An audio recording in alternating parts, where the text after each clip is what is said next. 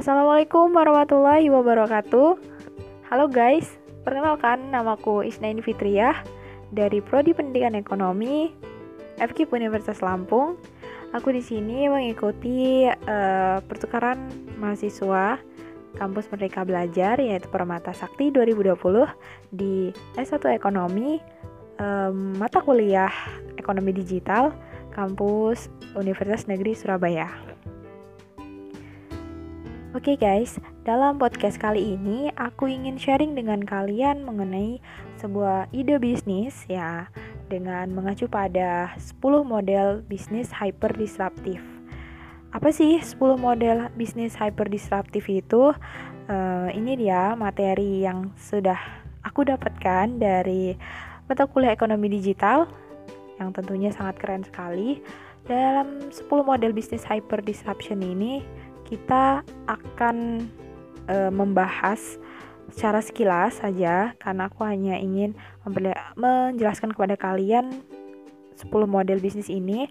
Lalu aku akan mengambil ide dari salah satu model ini untuk uh, aku rintis menjadi sebuah bisnis ya.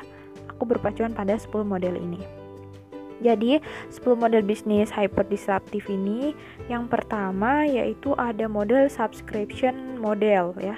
Di mana subscription model ini yang kita kenal seperti uh, bisnis yang berlangganan dengan biaya murah tanpa batasan seperti Netflix, Kindle dan lain-lain. Yang kedua ada free model yaitu bisnis dengan menjual sesuatu yang secara gratis. Tujuannya membentuk komunitas besar jangka panjang ya seperti Google, Facebook, terus IG apa Instagram gitu. Terus yang ketiga ada premium model. Itu ada bisnis jasa kualitas premium tapi free. Uh, ada opsi upgrade berbayar. Yang selanjutnya ada marketplace model menyediakan tempat penjual dan pembeli datang ya seperti Bukalapak dan lain-lain. Selanjutnya juga ada model hypermarket di mana model ini nih e, pengembangan dari segmented jadi hypermarket yang lebih besar ya seperti e, Amazon dulu menjual buku namun sekarang menjual apa saja dan siap antar. Selanjutnya ada model access over ownership model di mana model ini merupakan e, menjelaskan tentang bisnis berbagi dalam dunia maya cukup punya akses kapan saja seperti Gojek, Grab dan lain-lain. Tepatnya juga uh, akses over ownership uh, model ini seperti memberikan layanan jasa ya secara online gitu. Nah, selanjutnya ada model on demand, on demand model ya.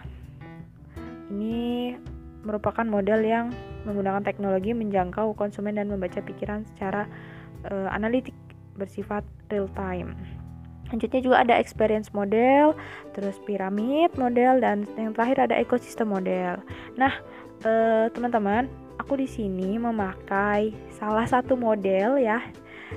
Dan setelah aku melihat gitu, ternyata bisnis aku ini eh, bukan yang subscription model, bukan yang free model, bukan free model dan yang lain-lain, tapi aku berpacu pada access over ownership model di mana aku memberikan layanan jasa dalam dunia maya.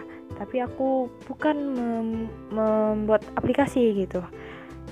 Aku hanya meng aku memberikan jasa gitu jasa secara online. Nah baiklah kita akan membahasnya ya secara rinci di podcast ini. Nah oke okay guys kita lanjut aja akan membahas ya.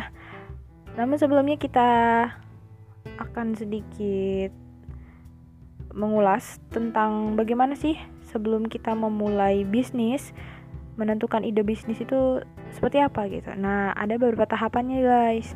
Yang pertama yaitu melakukan riset bisnis terlebih dahulu. Untuk apa sih melakukan riset bisnis ini?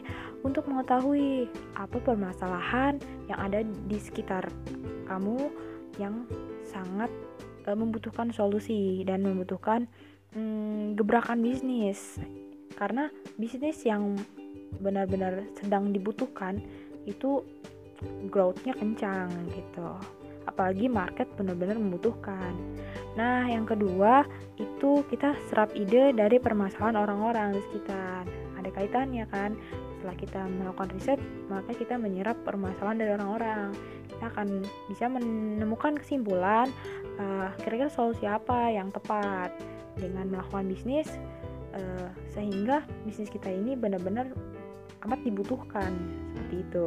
Nah, yang selanjutnya ada uh, belajar dari kesuksesan bisnis orang lain. Pastinya kita akan uh, melihat untuk kebaikan dan uh, terus kemaju uh, kemajuan uh, dari bisnis kita kita akan melihat uh, kesuksesan bisnis orang lain. Berpacu pada kesuksesan mereka kita mengambil pelajaran dan juga kita belajar dari kekurangan pesaing gunanya untuk apa gunanya untuk melakukan inovasi guys kalau kita tidak melakukan inovasi atau pembaharuan yang lebih uh, modern, lebih canggih, maka kita akan kalah jauh karena uh, apa yang masyarakat butuhkan benar-benar yang real uh, permasalahan ada di saat ini. Bagi pandemi gini kan, banyak banget pasti permasalahan dan uh, banyak banget dibutuhkan solusi. Nah, yang terakhir yaitu mengikuti perkembangan tren. Kita jika kita sudah mengetahui hal-hal ini, berapa nih? Ada lima tahap ini, maka kita bisa menemukan ide bisnis. Nah, selanjutnya jika kita sudah menemukan ide bisnis, kita menyusun rencana bisnis, guys. Menyusun rencana bisnis ini lebih tepatnya kayak bisnis plan ya. Nah, namun di sini aku tidak membahas secara analisis biayanya. Nanti akan sedikit aku bahas tapi tidak banyak. Yang pertama dalam menyusun rencana bisnis kita akan menganalisis menggunakan analisis SWOT. Nah, ini dia analisis SWOT ini sangat penting. Jadi, oke lah, aku akan memberikan sedikit bocoran dulu ya. Jadi, aku e, memiliki ide bisnis yaitu e, COVID 2020. Loh, kok COVID 2020 apa ya? Community of Video Editor 2020. Nah, di sini aku ingin mencetuskan menjadi uh, layanan jasa bagi para masyarakat ya, bagi para konsumen yang membutuhkan jasa editor untuk video. Uh, tersedia untuk semua kalangan ya, untuk pelajar, mahasiswa, tenaga pendidik maupun umum. Karena apa? Uh, banyak terlihat dari permasalahan orang-orang saat pandemi ini mereka terkendala dalam pembelajaran daring ya. Pastinya kan semuanya daring nih melibatkan handphone, laptop, handphone, laptop, komputer gitu. Namun skill mereka masih uh, sangat sedikit sehingga aku mencetuskan bisnis ini COVID 2020 di mana uh, ketika aku sudah merintis bisnis ini aku akan merekrut uh, beberapa uh, teman itu atau uh, rekan yang benar-benar memiliki skill juga di bidang editing. Karena memang aku juga memiliki skill di bidang editing dan aku melihat uh, tadi berdasarkan riset bisnis sehingga aku menganalisis SWOT ya. Maaf kita muter kembali ke analisis SWOT ya. Strength dan weaknessnya itu strengthnya karena aku memang memiliki bakat untuk editing uh, video dan aku memiliki hobi dalam bidang editing gitu dan video. Uh, jadi di situlah kekuatannya agar aku tuh uh, semangat gitu untuk uh, memulai bisnis ini. Yang kedua yaitu weakness. Weaknessnya kelemahannya ya kalian tau lah guys karena saat ini aku berkuliah di Unila dan juga mengikuti program Permata kelemahannya pasti banyak karena banyak tugas dan beberapa hmm, kewajiban-kewajiban hmm, kampus yang pastinya akan mengganggu uh, jalannya bisnis maksudnya mengganggu waktu sih ya. Tapi itu semua tergantung manajemen waktu. Nah terus opportunity opportunity di sini peluangnya. Peluangnya uh, pasti sangat banyak peluangnya sangat besar karena aku melihat masih banyak guru-guru tenaga pendidik ataupun masyarakat yang belum bisa dalam uh, editing video terutama masyarakat di sekitar aku ya. Itu entah pelajar SMP eh, SD SMP SMA karena mereka banyak e, diberikan tugas juga mengenai editing video namun mereka masih sedikit e, kemampuan untuk editing video jadi di sini aku mau mulai di sini nah tentunya nih gak usah takut tarifnya nggak begitu besar kok Nah, kita lanjut dulu ke treats ya. Ancamannya, ah ancamannya pastinya ada ya. Namanya setiap bisnis, bisnis pasti ada ancaman. Ancamannya yaitu uh, muncul uh, editor baru atau beberapa teman-teman yang meniru bisnis aku dan mereka memulai di daerah masing-masing. Tapi sebenarnya itu bukan terlalu ancaman ancaman sekali, ancaman besar ya karena uh, aku sih bersyukur gitu kalau memang ide bisnis ini banyak ditiru oleh beberapa uh, pemuda karena itu semakin menambah manfaat seperti itu. Nah, selanjutnya pemilihan lokasi yang strategis ini ini dibutuhkan bagi kalian yang berbisnisnya membutuhkan suatu tempat sedangkan uh, model ini tidak membutuhkan tempat, cukup uh, membutuhkan admin gitu ya, bukan admin atau editor. Nah, finansialnya ini aku akan me membeberkan tarif. Nah, sekalian promo ya. Tarif untuk pelajar nih 20k untuk satu video durasi 1 sampai 15 menit. Dan tarif untuk mahasiswa 30k uh, eh, untuk satu video dengan durasi 1 sampai 10 menit.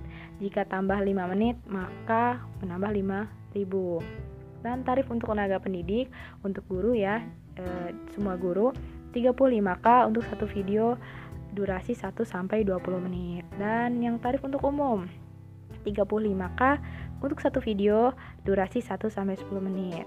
Nah, saya tertarik di bisnis ini karena memang sangat dibutuhkan di lingkungan masyarakat uh, pemuda yang paham teknologi dan bisa menjadi uh, solusi bagi anak-anak didik mereka yang uh, malas mau belajar hanya men dengan mendengar ceramah dengan mendengar gurunya berbicara ataupun dengan tugas-tugas saja gitu. Tapi mereka tuh membutuhkan audio dan visualisasi yang uh, amat kreatif agar mereka tuh tidak merasa bosan belajar di rumah aja. Oke okay, mungkin itu ya ide bisnis yang bisa aku sharing dengan kalian. Semoga ide bisnis ini merupakan ide bisnis yang uh, benar-benar bermanfaat dan juga menjadi inovasi terbaru bagi bisnis-bisnis sebelumnya gitu. Doakan semoga bisnis ini lancar. Terima kasih uh, atas uh, kesediaan waktunya untuk mendengarkan podcast ini. Semoga dapat bertemu lagi di podcast selanjutnya. Saya ucapkan terima kasih. Wassalamualaikum warahmatullahi wabarakatuh. See you guys.